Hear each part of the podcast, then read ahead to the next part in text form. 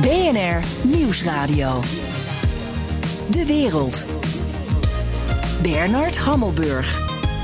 Poetin heeft het Westen opnieuw de schuld gegeven van de oorlog in Oekraïne. Of hij dat verhaal overeind kan houden, bespreek ik met Hella Rottenberg, voormalig Rusland-correspondent en schrijver van het boek Z: Hoe Poetin Rusland weer groot wilde maken. Welkom in de studio. Uh, ja, uh, we gaan eerst even naar uh, Geert-Jan Haan, collega Geert-Jan Haan, Europa-verslaggever. Die zit op dit moment in Kiev. Hallo Geert-Jan. Dag Bernard, ja. hallo. uiteraard staat Oekraïne ook stil bij die eerste herdenkingsdag. Iedereen gebruikt steeds het woord verjaardag. Dat ligt bij mij niet zo lekker. Maar oké, wat merk jij om je heen in de stad van, van de, deze eerste gedenkdag? Tot nu toe zie Bernard is dat het vooral um, een gewone dag lijkt te zijn. Een dag uh, als. Het is, uh, ja, er zijn mensen op straat, het zonnetje schijnt, het is lekker weer, er werd muziek gemaakt. Ik barricades hier en ik sta bij het onafhankelijkheidsplein bij Maidan. Um, achter mij politiewagens. Ik denk omdat Pedro Sanchez zo vertrekt bij Zelensky, de Spaanse premier die op bezoek is. Maar het voelt eigenlijk als een hele. Er is ook nog maar één keer een luchtalarm geweest vanochtend, 20 minuutjes voor Kiev. Uh, af en toe een lucht. Maar ja. Ja, uh, Geert-Jan, uh, we verbreken heel even de verbinding. We bellen je terug, want uh, dit werkt niet zo goed. Wat verwachten de Oekraïnse inlichtingendiensten voor de 24 februari, Geert-Jan? Nou, vanochtend zei Budanov, hoofd inlichtingen, dat hij eigenlijk een wat kleinere raketbarrage verwachtte. Dus geen enorme raketaanvallen, geen 100 plus aanvallen die er eerder wel zijn geweest, maar een, een relatief beperkte.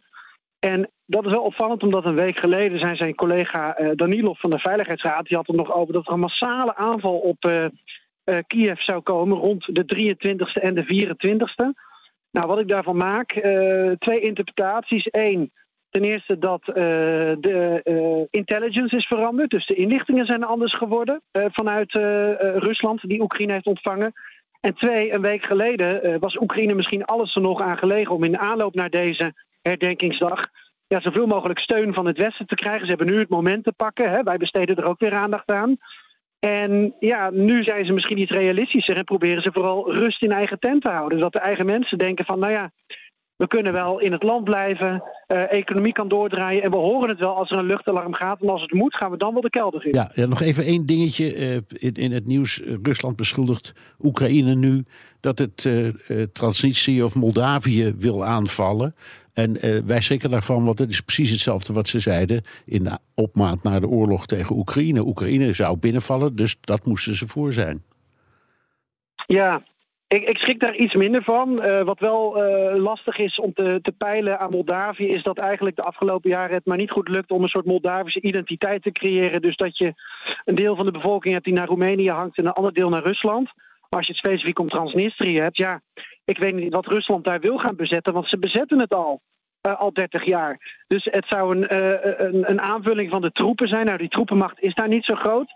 En vorige week werd ook nog gezegd um, door Rusland van ja, uh, Oekraïne staat op het punt om Belarus aan te vallen. Dus Oekraïne staat volgens Rusland op het punt om allerlei buurlanden aan te vallen.